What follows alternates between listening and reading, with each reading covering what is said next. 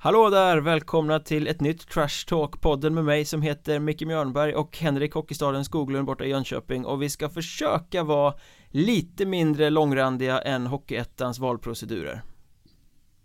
Ja, det kanske inte blir någon större utmaning faktiskt. Eh, jag, jag har inte sett någon av valprocedurerna men jag har hört att, eh, att det har varit liksom eh, ja, jag vet inte riktigt, eh, det, det sjunde inseglet över det hela ungefär.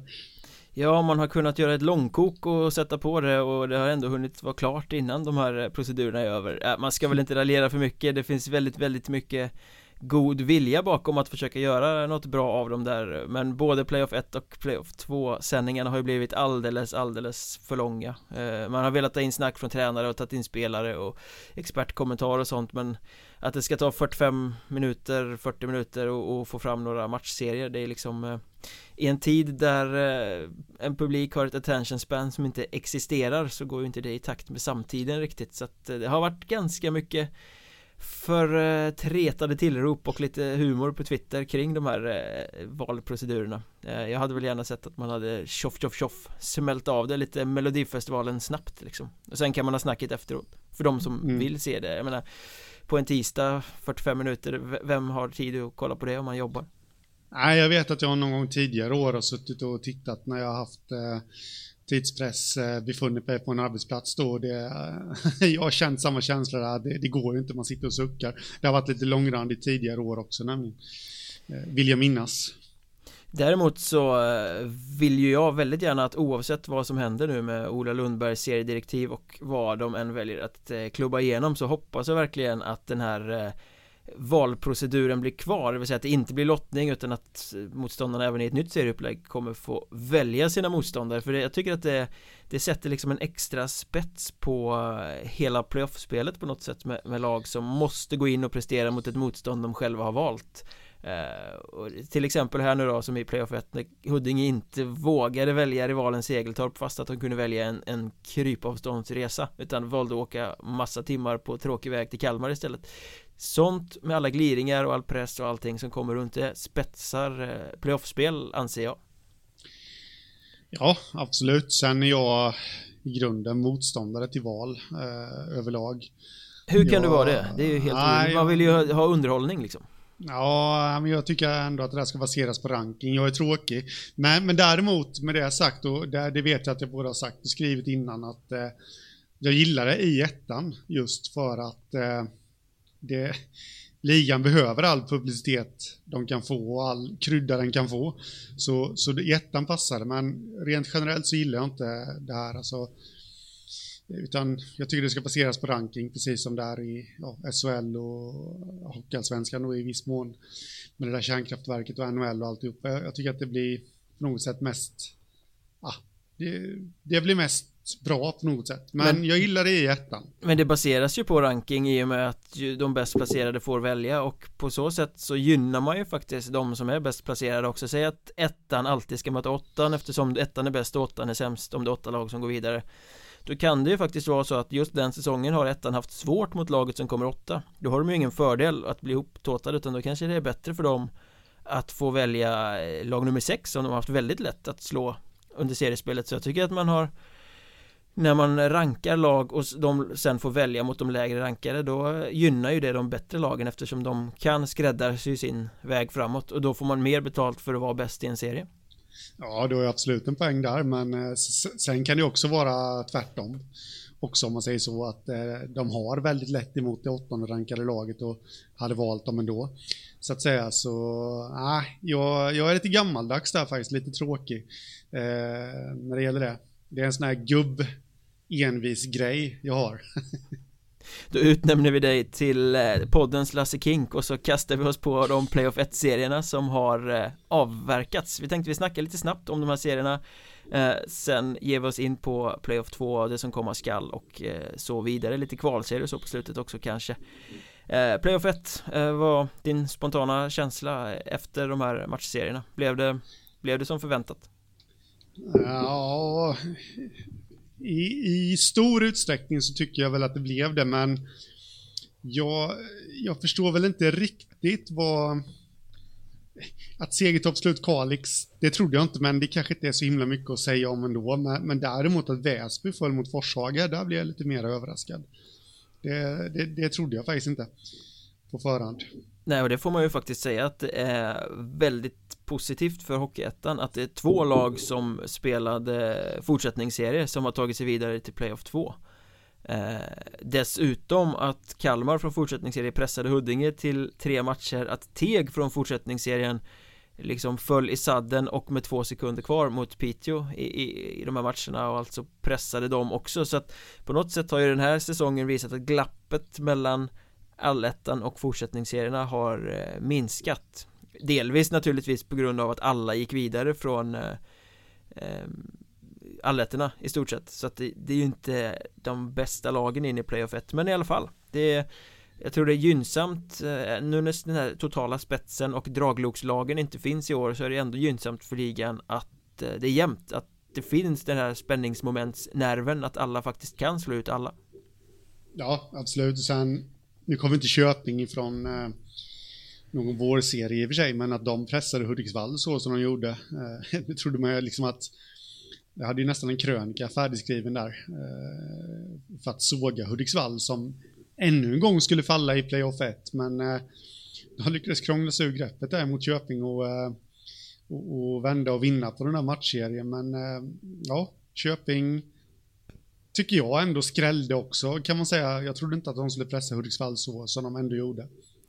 Nej, det trodde väl inte jag heller på, på förhand Även om Hudiksvall givet hade den här eh, rätt dassiga playoff-statistiken Inte vunnit en playoff-match sedan säsongen 14-15 och hade 0-6 i playoff-matcher inför mötet med Köping 0-7 i playoff-matcher eh, Efter eh, förlusten på bortaplan där, där de inte tog skitjobbet, inte vann närkamper, Eh, inte gjorde mål. Och då trodde man väl nästan att här ryker de Speciellt som Köping faktiskt bet ifrån rätt bra i returen eh, Första matchen i, Hudiksvall där innan det blev pyspunka när Hudiksvall till slut lyckades vinna efter att Conny Strömberg avgjort. Men Hudiksvall har fortfarande kvar sina problem känner jag. De gör för lite mål, de tar inte skitjobbet. Och hur man med ett så håsat lag som har liksom kvalserien för ögonen hur man inte kan gå in och ha rätt inställning i det fysiska eh, aggressiva jobbiga spelet i en playoffmatch när allting börjar gälla som i första matchen borta mot Köping. Jättekonstigt. Ja, faktiskt måste jag säga. Och det är, det är väldigt skumt att sånt där kan sitta i väggarna också.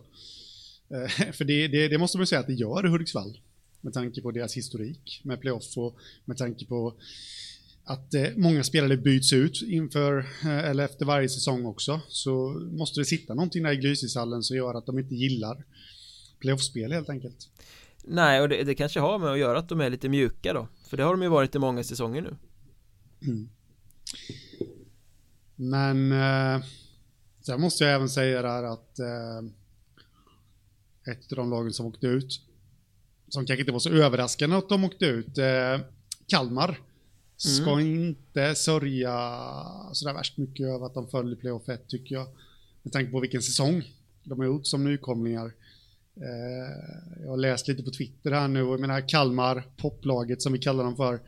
Eh, de har ju fått en hel del nya fans i Kalmar vad jag, vad jag har förstått det som och eh, det måste ändå vara, det är ingen hockeystad vi pratar om historiskt sett, men det måste ju ändå vara den största vinsten för dem den här säsongen, att det, de har fått väldigt många nya fans som dessutom vad jag har läst och kommer fortsätta följa laget nästa säsong. Ja, det kokar ju där nere eh, och, och ett playoff skapar ju väldigt mycket positiva känslor. Nu skulle jag väl i och för sig vilja framhärda att eh, fyra av fem derbysegrar mot Nybro Vikings under säsongen är viktigare än att det hade blivit en playoff-seger mot eh, Huddinge.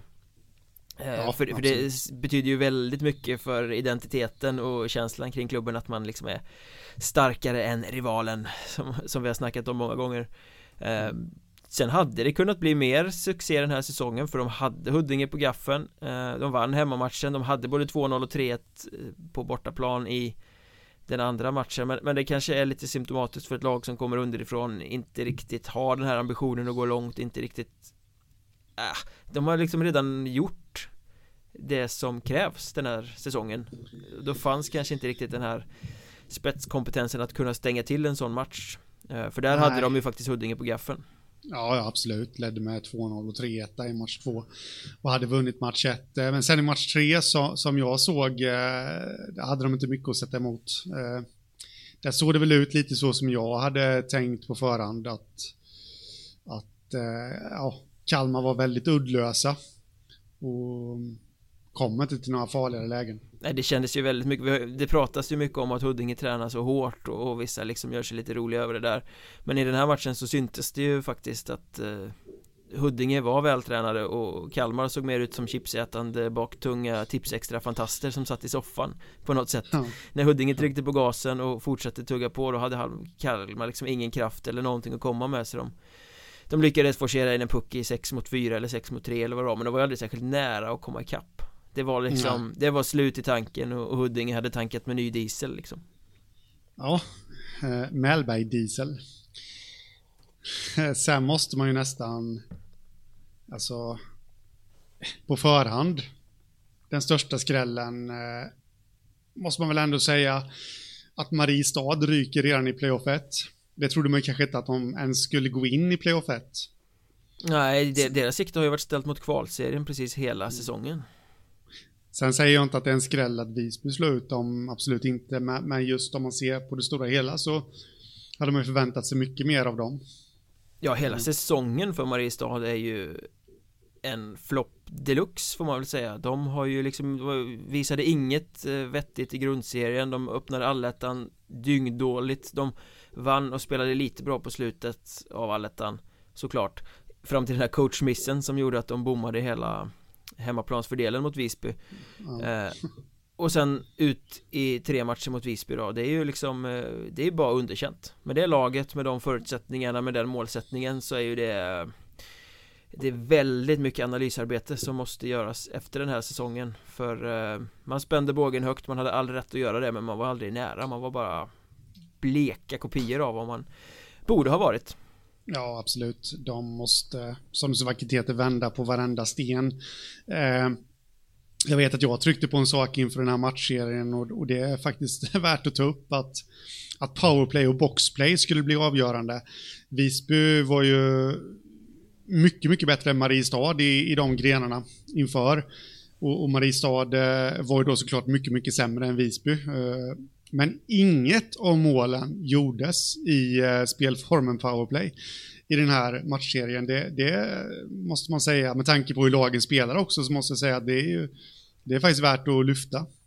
Verkligen, framförallt som det är sånt jävla tjat om att special teams är så väldigt, väldigt viktigt mm. Jag vill ju snarare hävda att vara bra 5 mot 5 så är det andra en bonus ja. men, men, eh, sen så jag trodde faktiskt att Mariestad skulle ta det här eh, Framförallt de var ju mycket, mycket bättre än Visby i den första matchen på hemmaplan eh, Vann den med 4-0, Visby hade inte mycket att komma med efter den första perioden där de stressade Mariestad lite Men att det sen ja. blir sådana två nervik på bortaplan är ju också förvånande och Samtidigt hatten av för Visby jag, menar, jag tycker att de har spelat bedrövligt långa delar av den här säsongen. De har ett passningsspel som gör att det gör ont i hockeysjälen. Alltså det klarar inte att titta på det när puckarna inte sitter på bladet som de ska. Men De är ett playoff-lag. De, de, är alltid bra i playoff uppenbarligen. Och, och nu Krävdes det, då plockar de fram det, de slår Mariestad i två matcher hemma. Även om spelet inte är vackert. Eh, De blir fortsatt livsfarliga för de är Det är något med Visby, de gillar det där med playoff det var lite likadant förra året också vet jag. De mötte Dalen på, på ön i match 1. Dalen vann med 1-0 om jag inte minns helt fel. Och, och liksom, eh, ja, nu kan jag minnas fel, men jag har för mig att Dalen ledde i match 2 också, men Visby tog det till sadden och vann och sen var det inget snack i match 3 där, men det gjorde de mycket tack vare att de kröp under skinnet på motståndarna. De, de, de retade upp de lite där och ja, det, det är sånt som blir vägvinnande i ett kvalspel. Verkligen, så är det um, Om vi blickar norröver då, så Piteå slog ut Teg i uh, två raka. Uh, Jag vill mm. nog påstå att Teg var med. Det blev 6-5 borta i sadden för Piteå, det blev 3-2 hemma efter att Marcus Sandström avgjort två sekunder från slutsignalen. Uh, Så 2-0 i matchen var ju inte lika klart som det kan se ut på papper. Jag är imponerad över att Teg, ändå rätt skadeskjutna med folk borta, stod upp så bra som de gjorde. Det ska de ha en storstilad applåd för Ja, absolut. Men vi har vant oss vid att de alltid håller till i botten och, och liksom aldrig snack om, om playoff eller sådär och kom in och ändå gör det så, så pass bra. Det, det är precis som du säger, det, det är värt en applåd och lyfta på hatten och allting för och hoppas nu att de kan bygga vidare på det för att vi har väldigt många bra lag från norr men, men det skadar inte med fler bra lag som kan vara med och utmana. Så hoppas att det finns någonting där och att bygga på. Sen tror väl jag att den där matchserien avgjordes ganska mycket mentalt också eh, Vilket kanske syns då med de här sena avgöranden som kommer att Teg var bra men från början så trodde de nog ändå inte riktigt på Att de hade möjligheten att slå ut Piteå Har jag lite känslan Nej. av Ja. Nej, det kan mycket väl ligga något i det. Och om man då flyttade fokuset då till den här matchserien som du nämnde förut Där Forshaga gjorde 2-0 i matcher på Väsby så Var ju läget inför egentligen samma sak där. En stor favorit som går in mot ett lag från fortsättningsserien. Eh, Mm. Men Forshaga trodde på riktigt på fullaste allvar att de skulle kunna ta Väsby. Eh, Och det var också det som gjorde att de kunde ta två uddamålsförluster Att de hade självförtroendet, de hade goet, de hade modet att våga spela. För som jag förstår saken i den här Jag såg den inte men den avgörande matchen i Vilundahallen så eh, var det faktiskt Forshaga som hade lite mer guts och vågade anfalla även när det var jämnt. Eh, Inte lika Mm. mycket press på dem. Och de avgjorde också, det var ju Filip Nordström som avgjorde eh, båda matcherna, Peter Nordströms son. Oj, oj, oj, oj. Trevligt. Men eh, Väsby då, de, de försvinner där, de hade också precis som Mariestad ganska höga ambitioner med säsongen Ja, men det, det är liksom... Ja, jag vet inte riktigt vad man ska säga om eh, det. Jag tycker ju att det är ett fiasko faktiskt. Eh, måste jag säga med risk för att få Väsby-supportrar här nu på mig. Men eh, nej, jag hade förväntat mig mer faktiskt, det hade jag gjort. Och jag vet inte riktigt om, om de kom in med någon slags underskattning eller något mot Forshaga, att det skulle gå lite lättare än, än vad det senare gick. Jag har ingen aning faktiskt. Men det... Nej men de har ju sagt rätt kaxigt att vi ska gå långt. Eh, Att då åka ut med 2-0 i matcher mot det sämst rankade laget i eh, Playoff 1 Eh, det, är ju som du säger ganska fiaskoartat. Och Mm. jag har också liksom Truppen är ju fylld av ganska intressant spets. De gjorde absolut ingen dålig alletta Men det, det är väl det mentala skulle jag tippa på. Det kanske inte fanns förmågan att hantera det här och det är precis som i Mariestad så får nog Tom Ternström där göra ett ganska gediget analysarbete med vilka han ska gå vidare med för att bygga ett starkare Mm. Väsby till nästa säsong Mm. Ja, precis. är och, och, och nämner man Forshaga så får man väl säga att det är tvärtom där alltså de, de har ju ett bra lag eh, och tittar man på på resultat så har de ju gått väldigt starkt efter jul De var väldigt skadedrabbade innan eh, De har backsida med Henrik Tång och Niklas Edman och Karl Persson och Jesper Nordin och jag menar, Det finns ju bra spelare i Forshaga Så att de är nog väldigt underskattade eh, nu När de har fått det här flowet som de har i gruppen Mm. Ja, precis. Det ska bli intressant att följa fortsättningen där. Vad säger du om att Vimmerby behövde tre matcher mot Enköping då? Ja, det, nu gick de ju vidare så att eh, det går inte att säga fiasko på det om man säger så. Men nej, det tror jag inte heller. Men Enköping är också ett lag som har motsvarat, eller motsvarat förväntningarna, det, som har överträffat förväntningarna. Och vad jag har förstått det som så var det du som gav dem lite tändvätska. Jag har sett någon bild på någon tidningsartikel som de har haft upphängd. Ja, jag såg det, jag tippade dem sist i, i allettan Den hamnade visst på väggen i omklädningsrummet Ja. Så... Eh, eh, nej, det, det är bara att bocka och buga där också, liksom att de står emot Vimmerby och, och synar dem. Eh, faktiskt här nu. På deras svagheter och alltihopa. Så eh, väldigt imponerad utav Enköping också. Och precis som jag sa i, i fallet Teg där, så det är bara att hoppas att de hittar någonting att kunna bygga vidare på.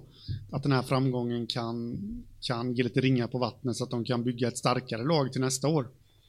mm, Någonstans så, jag trodde ju att det här var klappat och klart att Vimmerby bara skulle åka hem och krossa när de hade vunnit 7-3 borta. Ehm, jag trodde inte Enköping skulle ha en suck här men jag, jag applåderar dem också. Jag tycker de gjorde väldigt strångt playoff. Man kan inte kräva mer än vad de gjorde. Och sen på något sätt så är det ju symptomatiskt att den tredje avgörande matchen slutar 1-0 med ett mål som faller med en minut kvar av matchen. Eh, För vi har ett Enköping som har haft tungt att göra mål. Vi har ett Vimmerby som trots spets inte gör så mycket mål men försvarar sig väldigt bra. Eh. Så att det blev en Man hade kunnat tänka sig att det skulle bli en väldigt målsnål serie överhuvudtaget. Att det blev en målsnål sista match som Vimmerby vann sätter ändå lite pricken över i för hur den matchserien såg ut eller skulle se ut på, på förhand känns det som. Ja absolut, men jag, nu har inte jag sett, nu har inte jag sett någon match där med i den matchserien, men vad jag har förstått det som så finns det en hel del att anmärka på Vimmerbys spel. Eh, framförallt från match 1 så läste jag en massa, då vann de ändå med 7-3. Men jag läste ändå en massa kritiska kommentarer från från fans där att, att det inte såg speciellt bra ut. Så, så frågan är ju om det kan ha varit även där kanske någon slags form av underskattning eh, mot motståndet. Jag vet inte, jag bara spekulerar. Mm, mental press. Nu, det är nu det ska ja, göras liksom. Ja, ja. Eh, tittar vi på, som du också nämnde förut, att det är väl ingen skräll att Segeltorp slog ut Kalix, men eh, där kan man ju sätta Eh, rubriken då att spetskompetens var viktigare än kollektiv styrka. Ja, absolut. Det här går ju helt stick i stäv med vad jag trodde om hur Segertorps säsong skulle arta sig. Jag trodde ju att de skulle ha rejält häng på allettan, men sen att de skulle krokna, men det har ju varit precis tvärtom. De var rätt långt ifrån allettan, eh, men tog sig efter jul istället. Och jag har ju baserat hela det här resonemanget på ja, på att, att spelare kan komma till Segeltorp och att det kanske inte är sån satsning där som det var i Huddinge då. Men kommer dit och softa loss lite? Ja, lite så. Ja, det här, jag, jag tror ju på stenhård träning, men det, det känns ju som att jag snart kommer få äta upp det. Det var tur att jag inte sa någonting, att jag skulle äta upp min keps eller någonting, för då hade jag fått stå här och med ett rejält långkok faktiskt. Men eh, före jul var det väl lite så att du har rätt för att du, då orkade väl stjärnorna inte bry sig tillräckligt mycket för att det skulle bli allettan. Eh, de orkar liksom inte vara så bra som de hade kunnat vara är känslan från sidan av för de gjorde ju rätt mycket plattmatcher i grundserien de hade ju kunnat ta mm. den där allettan-platsen om de bara hade gett sig fan på det Eh, och jag snackade med Petter Kristoffersson, tränare i Kalix efter första matchen som eh, Segeltorp vann med 4-0 och han hade ju tittat på video och sådär och för att förberett sig för Segeltorp och han konstaterade ju att i den här playoff-matchen då så tog de i mer än de brukar.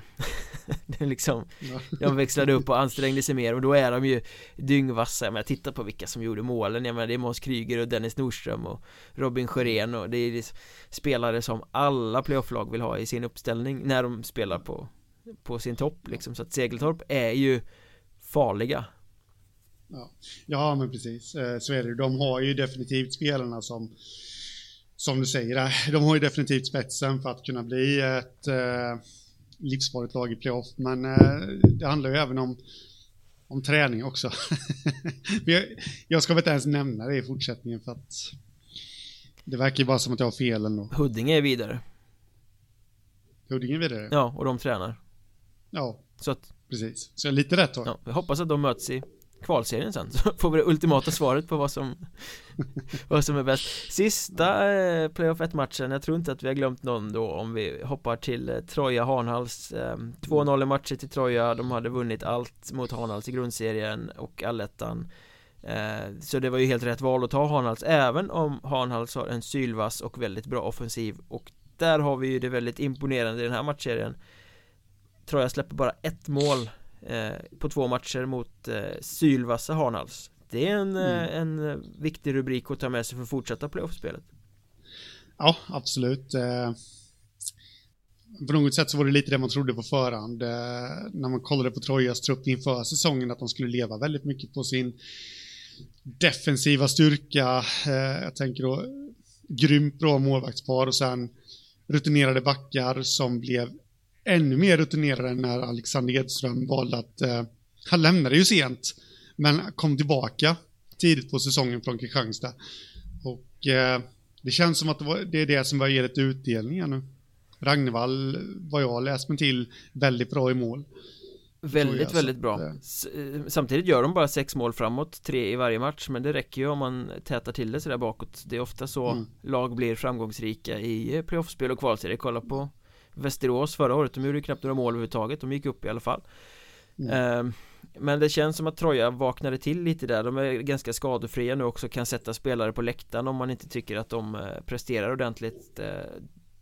Det imponerar samtidigt. Hanhals röker två raka men vad fan eh, De har gjort en grym säsong. Eh, mm.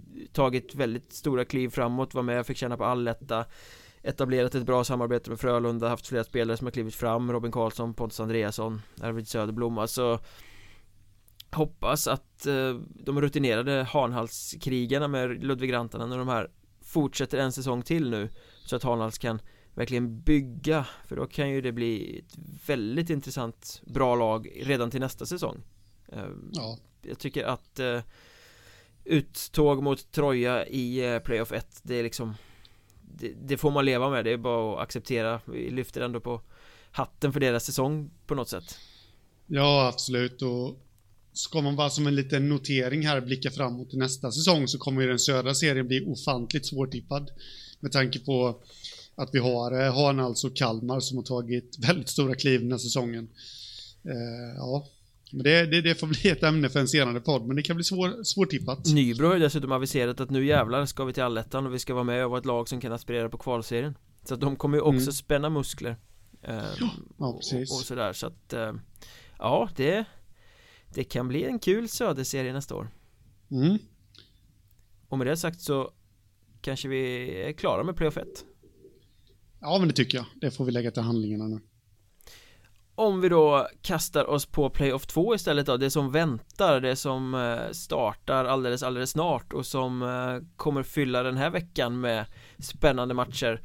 Eh, sex stycken till antalet matchserier, sex lag ska vidare till Playoff 3 där seriesegrarna från Allätterna, Kallinge-Ronneby och Boden redan väntar. Ehm, noterbart innan vi går igenom matchserie för matchserie här är ju att alla seriesegrarna från eh, grundserierna Borlänge, Hudik, eh, Piteå och Vimmerby är vidare till Playoff 2 Så att eh, alla sex seriesegrare från säsongen är fortfarande i spel. Ja, vilket är kul. Ja, om man inte gillar floppar. Jo, men det Det är ändå kul att de får betalt för sin fina säsong liksom genom att avancera. Ja, verkligen. Och det känns ju som att från och med nu så finns det väl inte så väldigt mycket till floppar längre för jag tittade på den här utdragna valproceduren under söndagen så jag menar lagen får välja men det finns ju inga lätta motståndare att välja så att det blir sjukt svåra motståndare vilka de än tar eh, det känns som att ja. det är riktigt spetsigt i playoff 2 i år Ja, fast eh, där håller jag nog inte med. Det, jag har hittat några floppvarningar som ifall de åker ut så kommer det kommer jag, i alla fall jag skriva rubriker som dunderfiasko och sånt där. Men det, vi ska ju beta av matchserien här så jag gissar att du då pratar om Östersund som eh, gjorde det självklara valet att välja Forshaga som sin playoff 2-motståndare. Ja, ja absolut. Det, återigen så hade jag inte sagt på förhand. Jo, det hade jag i och för sig gjort, men jag tror inte att Östersund skulle vara så här bra som de har varit i allettan och då är det klart att de får en favoritstämpel på sig emot Forshaga.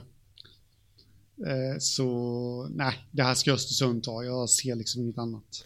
Men eh, om man liksom vänder på det så de var inte särskilt bra i grundserien eh, Forshaga har världens flyt just nu Östersund har vilat i två veckor Kommer in lite rostigt.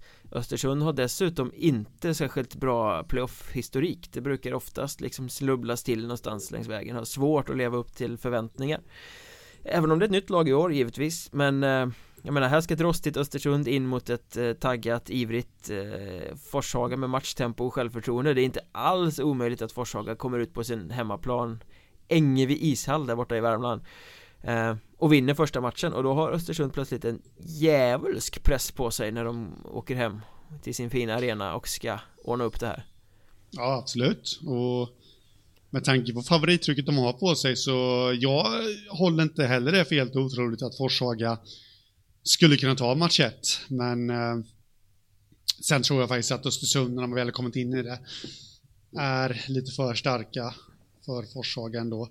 Eh, med vad de har visat upp här nu i, i allettan och allt det där. Så att, äh, det, jag tror Östersund tar detta. Jag håller med dig, Östersund kommentarer Jag eh, sympatiserar med valet de gjorde. Det fanns överhuvudtaget inget annat val de kunde göra. Det är helt rätt att ta Forshaga. Men jag vill nog ändå påstå att det blir inte så lätt som Det kanske ser ut på pappret. Jag tror att Forshaga har det där flytet nu liksom. Men den här typen av eh, flytlag som inte Alltså de menar inte flyttur utan att allting flyter på. Eh, Det brukar ta stopp någonstans när motståndet blir för starkt. Och i playoff 2 Det känns liksom som ett Är det rimligt stopp för Forshaga på något sätt? Ja, ja absolut. Det, det skriver jag under på. 2-1 i matchen till Östersund Jag tror 2-0, men, men jag skulle inte säga emot på 2-1. Faktiskt. Eh, som jag sa där och som du också sa, det, det är mycket möjligt att Forshaga med, med att de har matchtempo och, och liksom är inne i det, att de kan eh, ta match 1 och sätta lite press på Östersund. Men eh, eh mitt grundtips är ändå 2-0. Nästa matchserie näst ut att välja efter Östersund var Kristianstad eh, och det var väl ganska givet att de inte ville ha Visby, Hudiksvall eller Troja. Eh, Visby hade de väl i och för sig kunnat tänka sig sportsligt men det är knöligt att resa till Gotland. Så att Det stod valet mellan Segeltorp och Huddinge. Eh, jag trodde faktiskt de skulle ta Huddinge sen de har slagit två gånger i allettan Som de vet exakt vad de kan förvänta sig av och som de har haft ganska bra kontroll på. Men Micke Gat och Andreas Lilja de eh, Valde att ge sig ut på okänt vatten, välja Segeltorp som de inte har mött under säsongen och som är ett som vi har pratat om riktigt vasst motstånd men eh, om du hade fått välja där, Huddinge eller Segeltorp, vilka hade du tagit? Nej, jag hade nog tagit Segeltorp ändå. nu, nu eh, nej, men någonstans, de, de, de är nykomlingar och gjort en bra säsong och allt det där. Men, eh, alltså, jag ser väl Huddinge som ett större kvalitetslag ändå, faktiskt. Av någon märklig anledning. Det känns som Segertorp har lite tyngre namn. Faktiskt, men... Det eh, kanske nej, har med träning att göra. Eh, så jag tycker de gjorde, gjorde rätt där. Ja, mm. jag vågar inte ens säga det. uh, nej, men uh, jag tror att Kristianstad tar Segeltorp, självklart. Uh, för att jag menar, man pratar om Segeltorp spets, men nu har vi ändå kommit så långt på säsongen, så tittar man på motståndarna. Kalix hade ju inte inte samma spets som Segeltorp men Kristianstad har samma eh, spets som Segeltorp. Så här är Kristianstad ett bredare, mer eh, bättre lag med samma spets. Med en matchvinnande målvakt i Joel Gistedt med en ambition att ta sig till kvalserien. Med eh, spelare som liksom inte kan vara nöjda med säsongen om den tar slut här. Eh, jag menar Segeltorps spelare har ju till och med varit i sociala medier och tyckt att det är en skräll att de liksom är framme i playoff 2 att de vann mot Kalix i playoff 1 vilket ju inte alls är. Eh, men det signalerar ju att de är rätt nöjda. Kristianstad är ju inte nöjda för att det är ju en eh, tokflopp om de ryker. Eh, Ambitionen är ju allsvenskan för Kristianstad och det här ska de bara ta. Eh, men däremot så ser jag samma scenario lite som du var inne på i, i serie 1 där att eh, Segertorp är ändå inne i det. De, de har ett flow, Kristianstad har fått vila. Det, ja, det kan mycket väl bli så att Segertorp tar match 1 och sätter lite press på Kristianstad men eh, ja, det, det, här är min andra fiaskoserie så att säga och om Segertorp skulle gå vidare så är det självklart ett gigantiskt fiasko för Kristianstad. Ja, så, ja, ja, ja. Men äh, jag ser inget annat än att Kristianstad tar det här faktiskt. Eh. Nej, men, det, men det skulle mycket väl kunna sluta 2-1. Det är nu sådana här herrar som Fredrik Hansson och Fredrik Lindblom och de här verkligen ska vakna till liv och plocka fram sin bästa hockey och det tror jag de gör också. Och gör de det då, ja. kommer det bli jobbigt för Segeltorp och då tappar de lite gnistan och så blir det 2-0 i matcher. Det, jag tror ja. till och med Kristianstad kan åka och typ vinna med 5-1 borta i första och sen blir det inte så mycket mer snack om det. Ja, ja, nej. Det märker vi. Det gör vi. och när Segeltorp blev plockade av Kristianstad så blev ju valet för Borlänge inte så mycket till val. De fick ju liksom eh, Då fick de ta det som blev över för de vill inte heller ha Visby, Hudik eller Troja så att då blir det Borlänge Hud... Sa jag Borlänge? Det var ju intressant uttal. Borlänge mot Huddinge. Mm. Mm. Ja, ovisst. Ja, du låter nästan lite chockad bara av tanken på den matchserien. Ja. Ja. ja jag har lite svårt att och eh, få en liten feeling för det där. Så jag, jag tycker Huddinge gjorde det bra mot Kalmar. Den moralen de visar upp där. Eh, alltså de hade lika gärna kunnat vika ner sig när de lund med 1-0 i matcher då. 3-1 i matchen, i match 2 där, mot Kalmar. Men de kom ändå tillbaka och sen var det liksom inget snack i match 3. Någonstans tror jag att de har med sig det, eh, att de bara kommer växa i det här. För ser man till allettan så, så ska egentligen Borlänge eller ska egentligen Borlänge, ja men det ska de väl för de tog sig också ju längre allettan gick. Mm. Så, så, så, ska de egentligen ta Huddinge men äh, ja, jag vet inte tusan nu alltså. Efter att ha sett Huddinge där, jag tycker de gjorde det riktigt bra mot Kalmar så att äh, det här kan bli en rysare. Ja, Borlänge är ju ett bättre lag. Äh, får man ju säga.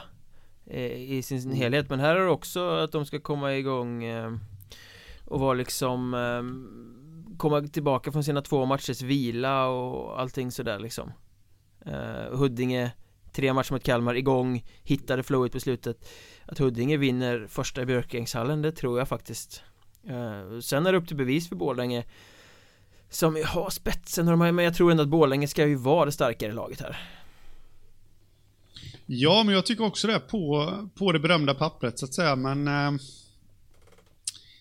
Eh, samtidigt så är jag väldigt imponerad av Huddinges moral, eh, måste jag faktiskt säga.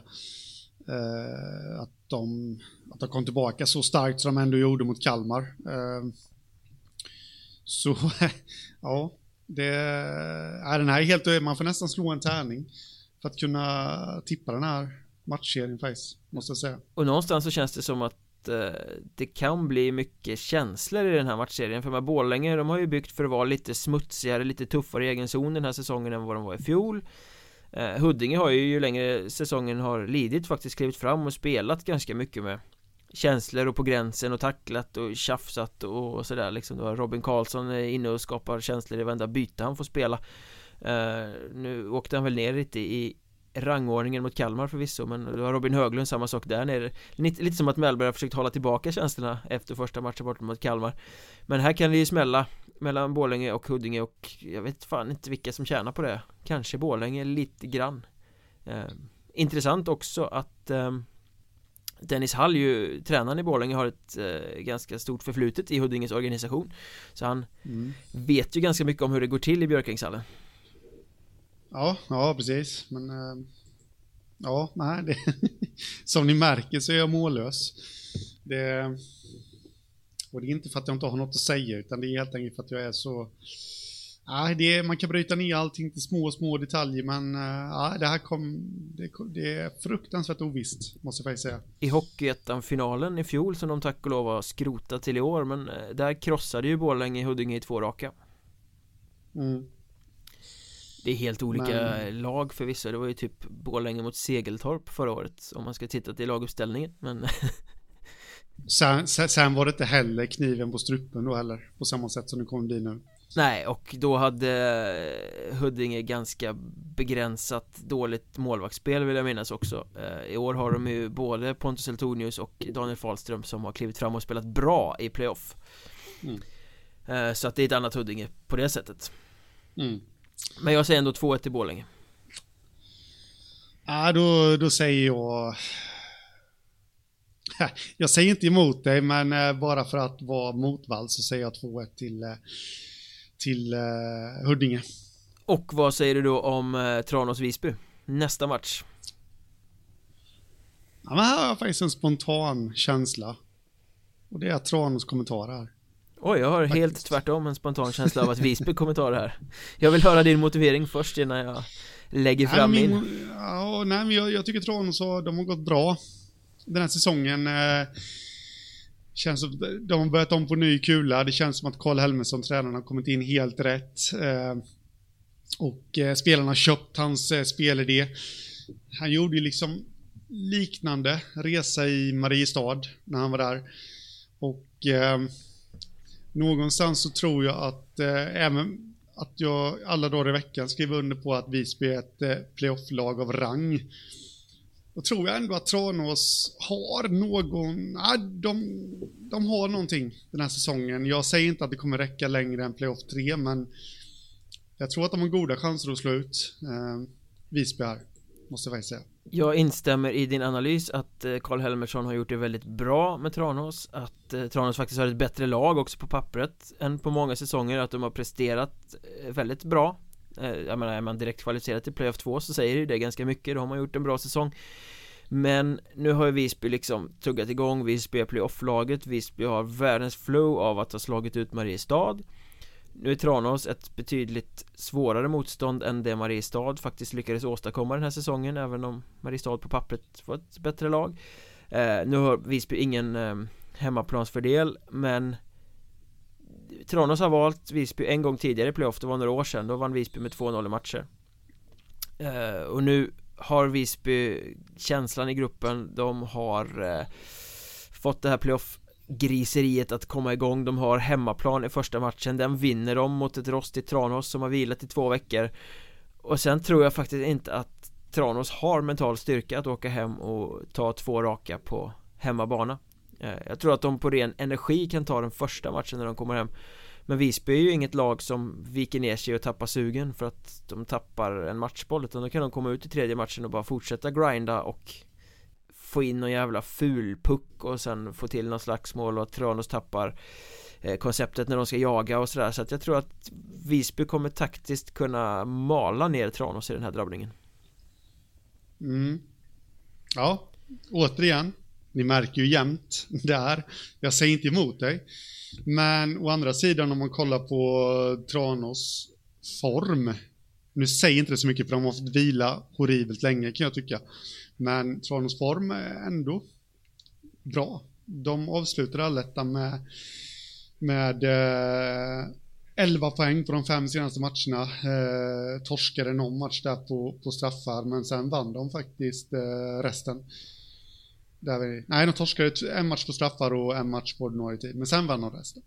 Så eh, känns ändå så de är nu kommer ju den här, det här uppehållet lite olägligt för min tes, det håller jag med om, men känns ändå som att de är på uppåtgående.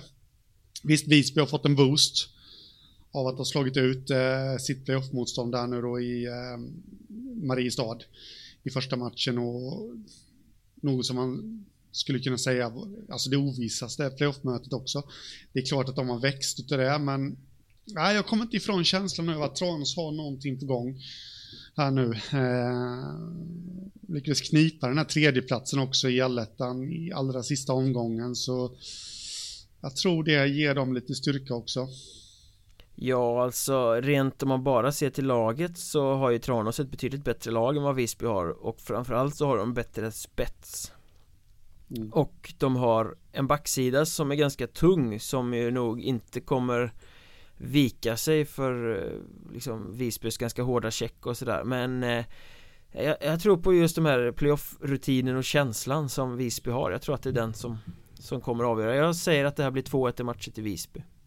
Ja, och då som alla säkert förstår så säger jag att det, det kommer sluta 2-1 i matcher men till Tranås då fortsätter vi med möten eh, som kommer bli eh, extremt lika ovissa för ju längre vi kommer in i den här valproceduren ju eh, svårare motstånd var det kvar att välja på för lagen mm. Piteå seriesegrare från grundserien i norr valde Hudiksvall seriesegraren från grundserien i öst ja. De har spelat i samma alletta, där vann de varsin match på sin egen hemmaplan eh, Och det här är ju två lag som har ett en målbild som är kvalserien så här är ju Även om det inte är någon flopp för något av lagen att eh, åka ut mot just den här motståndaren så skulle det vara jävligt bittert. Och ja men visst är det lite flopp för Hudiksvall eh, att åka i playoff 2 för att de har ju lastat in cash så att det stänker om det och ska till kvalserien. Men eh, öppen matchserie eller vad säger du?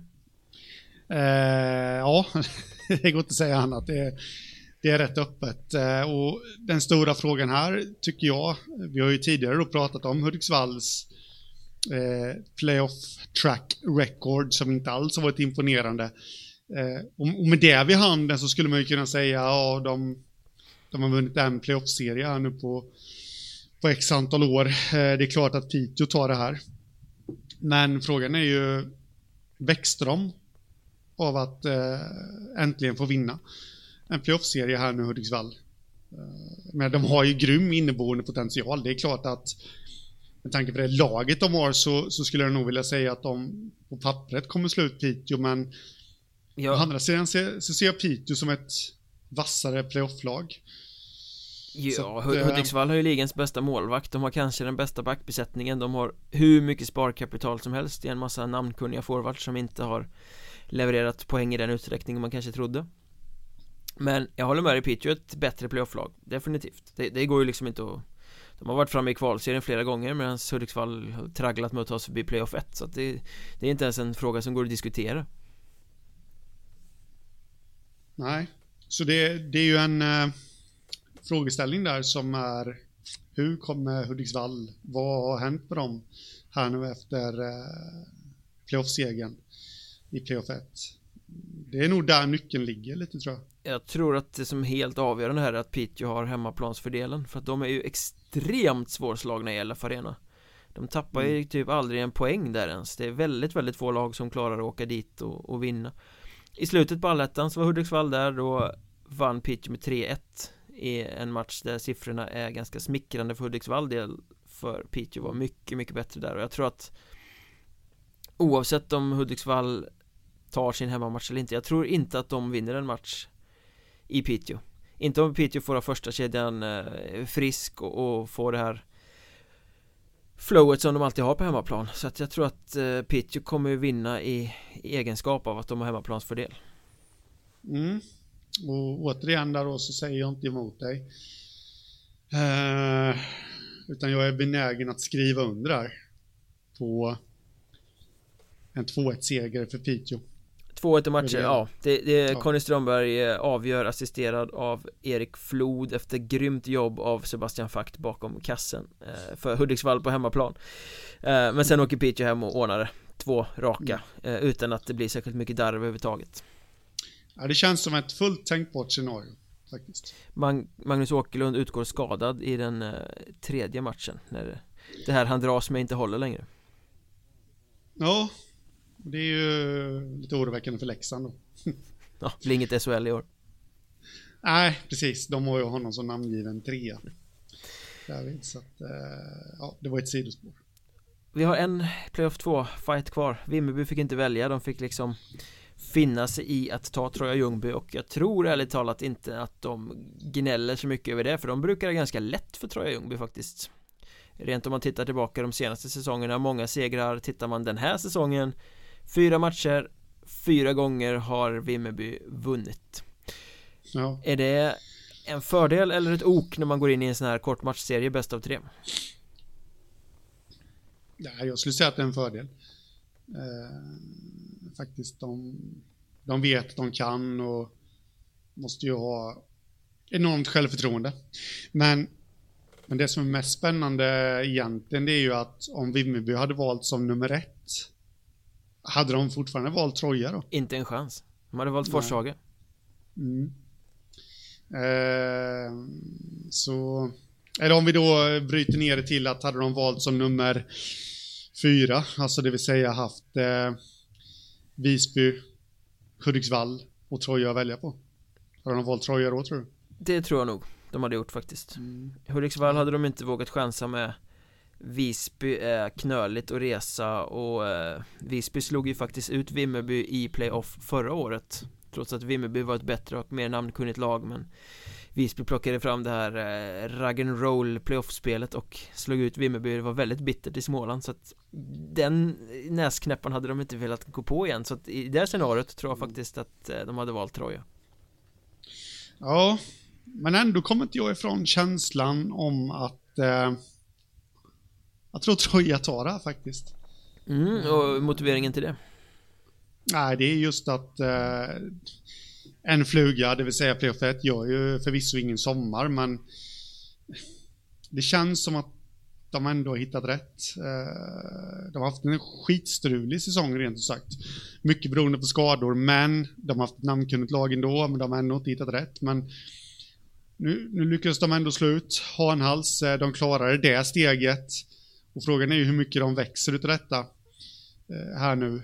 Eh, faktiskt, och de visar att deras defensiv funkar mot ett vasst Hanals. Eh, Vimmerby, också en stark defensiv, men, de har ju spets så att det räcker att bli över också. Jag skulle kunna tänka mig ett liknande scenario. Här faktiskt att Ragnevall står på huvudet och och frälser Troja även i den här playoff-serien.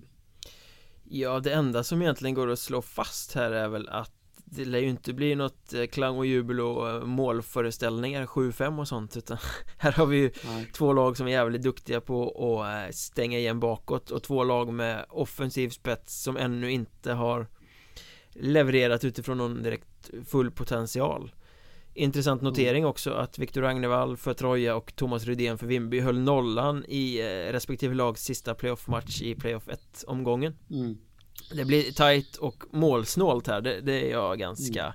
övertygad om Om det inte blir så här totalt bakvänd effekt Att det är två målsnåla lag som plötsligt bara börjar spruta in kassar Men det är väl inte så troligt Nej, det tror inte jag heller Det, det känns som ett scenario där match tre kommer gå till eh, tre övertidsperioder ungefär Och, och sen avgör Tobias Törnqvist med ett eh, skott som går i mål en sekund efter signal. Ja, precis. Och eh, Istället för ursinniga västgötar så kommer vi få se ursinniga Finnar. Ja. Precis. Där vi, det, det känns väl lite sådana Nej, jag, det, på så vis så omöjligt att tippa, men, men ändå så har jag, jag har en feeling för Troja här. Alltså de, det har gått dem emot hela säsongen och de fixade det här svåra första steget. Och jag tror att de har vuxit. Nu vet de att de är på rätt väg. Jag gillar inte att hålla med dig faktiskt Men det, det tänker jag göra nu i, i det här fallet mm. uh, Vimmerby har gjort en mycket bättre säsong än vad Troja har gjort Vimmerby har vunnit fyra raka mot Troja i uh, seriespelet Men Vimmerby har inte varit sådär väldigt framgångsrika i playoffspel. De slog ut Sundsvall i ett playoff 2 förvisso för några säsonger sedan Men annars så brukar de När det tuffar till sig snubbla. Mm. eh, Och Troja är tvärtom. Troja har tagit sig till flera kvalserier. Troja har varit ett lag som även om de har varit illa ute tagit sig vidare i playoff. Det är många nya spelare i år men vi har ändå Jonathan Nielsen, Trucken Karlsson, eh, e- Edström, eh, Mattias Åkesson, Tobias Törnqvist. Många av de här spelarna som faktiskt har varit med i sentida lyckade Troja playoff.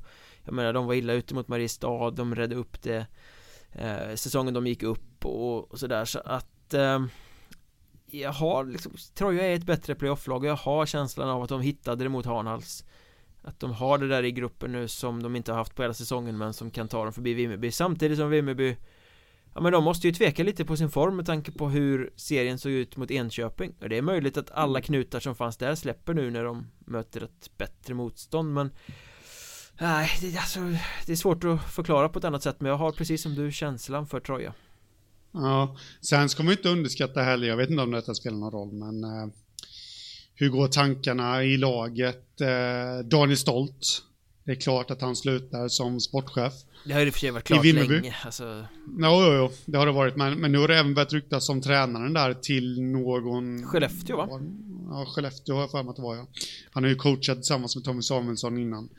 Eh, alltså, jag, jag brukar tro att sådana där rykten brukar störa gruppen så att säga, som det heter. Men å andra sidan så har de vacklat lite här nu mot slutet, känner jag. Och eh, ja, frågan är ifall det här kan spela någon roll. Mm, frågan är hur mycket de kommer chansa med att kasta in halvskadad Jakob Karlsson också som eh, joker liksom och hur mycket han kan bidra när han inte har varit med på ett bra länge och liksom in, väl inte är helt läkt i sin fraktur heller antar jag. Nej. Ja, många frågetecken måste jag faktiskt säga kring Vimmerby ändå. Och kanske i slutändan fler spelare i Troja som brinner för märket på bröstet än vad det finns i Vimmerby Ja För med det är ja, många absolut. väldigt, väldigt duktiga spelare i Vimmerby men många av dem är ju där för att de ska vidare snarare än för att de har några mm. känslor för klubben som sådan mm. Ja, absolut Troja vidare alltså, 2-1 eller 2-0? Nej, jag måste nog säga ändå um Jag säger nog 2-0 faktiskt. Jag var inne på att ett avgörande matchscenario där, men... Uh, nej, 2-0. Mm. Säger jag med viss tvekan. Ja, det, det får nog gälla faktiskt. Eh, 2-1, 2-0. Kanske Vimmerby kan sprattla, men bara för att inte tycka helt samma så säger jag 2-1 då. Mm. Så att vi har så lite olika, ja jävligt, jag känner mig edgy idag Verkligen Då har vi eh, stängt playoff 2 Slagit fast, de behöver inte ens mm. spela det är så här det kommer gå för att det är så extremt tydligt vilka som kommer vinna De här playoff-serierna ja, ja. om man frågar oss i alla fall Ja, absolut. Och mm, alltså, med tanke på att de inte behöver spela, så tänk vad mycket pengar vi sparar i reskostnader för de här klubbarna nu. För det är ju det Hockeyettan går ut på, vi har ju lärt oss också, att spara så mycket resepengar som möjligt. Ja, ja precis. Så jag förväntar mig tack. Får skicka faktura någonstans sen. Konsult. Mm. Ja. Eh, det ska vänta ett playoff 3 och sådär också såklart på vägen men vi kan ju bara innan vi stänger ihop det här eh, kasta en liten blick framåt mot kvalserien som väntar för det är ju faktiskt redan klart att Vita Hästen kommer att behöva kvala mot eh, de lag som tar sig vidare från Hockeyettan eh, Tror du bara rent spontant på 10 sekunder kommer de att klara det? Nej Nej Det tror jag inte, det har varit alldeles för mycket strul i den klubben. Tveksamt Såna. om Strumpan Strömberg har laget med sig. Tveksamt om eh, det finns taktiskt eh, nycklar. Jag tror att allting för Vita Hästen hänger på Hur mycket vill Marcus Eriksson och Jesper Samuelsson Att de ska vara kvar i Hockeyallsvenskan. För mm. de måste spela sitt livs hockey. Gör de det då kan Vita Hästen klara sig kvar. Är de inte som bäst för att det är ju de två som bär det här laget fullständigt eh, Är de inte på supertopp då åker Vita Hästen ur Ska vi det är inte ens ett rykte, men, men, men, men ska vi sätta igång ett väldigt löst rykte här, höll jag på att säga. Men, eller till att börja med, tror du Strumpan kommer sitta kvar hela kvalserien? Ja, han är ju sportchef också så jag har svårt att se att han eh, sparkar sig själv Och han har ju liksom varit ute och skrivit meddelanden till fans som har varit kritiska om att han inte går självmant om jag har förstått saken rätt så att mm. Jag tror Strumpan sitter kvar kvalserien ut mm. Nej, för jag, jag fick bara en liten tanke här att den gode Leif Bork hade fått något jobberbjudande, skrev han på Twitter. Och då är frågan, ja, från vilka då? Damernas spel, det, det är liksom redan slut. Eh, kvalspel, eh, det är bara finalen kvar i damhockeyn här nu och där lär de knappast byta coach. Linköping och Luleå och då får man ju börja titta lite, jag tvivlar på att, att det finns SHL-klubbar. Men frågan är om inte Vita Hästen skulle kunna vara en sån klubb som skulle kunna chansa med, med honom. Det här är alltså ingenting jag har något belägg för, det var bara en tanke jag fick när, eh, när jag läste det. Oj, är det Vita Hästen som är ute och jagar en ny kvalrutinerad tränare här nu? Så vet jag vet så är Leif Bork en man som vet att ta betalt för sina tjänster och eh, mm. tittar man på Vita Hästen så är det någonting de inte har så är det pengar eh, så att eh, den ekvationen känns inte så trolig eh, om du frågar mig Ja, Nej, jag tycker inte heller det, men samtidigt så vet jag att det finns alltid externa fin finansiärer som kliver in. I varenda buske, lägen. överallt i hela Sverige. ja, ja, ja. De finns överallt. inte hos mig dock. men eh, de finns och... Eh, ja, men det är som sagt en väldigt lös tanke som jag fick upp, men eh, vi kan väl plantera ett litet rykte här i alla fall. Och så får vi se ifall, ifall det blir så. För, nu vet inte jag, han kan ju fått ett jobberbjudande till nästa säsong också, men... Ja, intressant. Den eh, Hockeyettan egen Lasse Kink är det ju inte eftersom det är ju Lasse Kink men den här poddens Lasse Kink vill se Leif Bork i Vita Hästen. Gubbväldet no. fortsätter och med det så är det dags att packa ihop för den här gången. Eh, Ni kan följa oss på sociala medier. Eh, att Mjolberg heter jag, att Hockeystadien heter Henrik, att Mjolberg podd heter eh, Poddens konto, Mjölnbergs Trashtalk på Facebook, surfa in på hockeystadion.se Där skriver Henrik mycket läsvärt om Hockeyettan. Eh, Mjolnberg.se, där finns det också mycket gött. Och så eh, har vi nog inte så mycket mer att säga idag va? Nej, det har vi inte. Då tackar vi för oss och så hörs vi igen längre fram i playoffspelet. Det gör vi. Ha det gött. Detsamma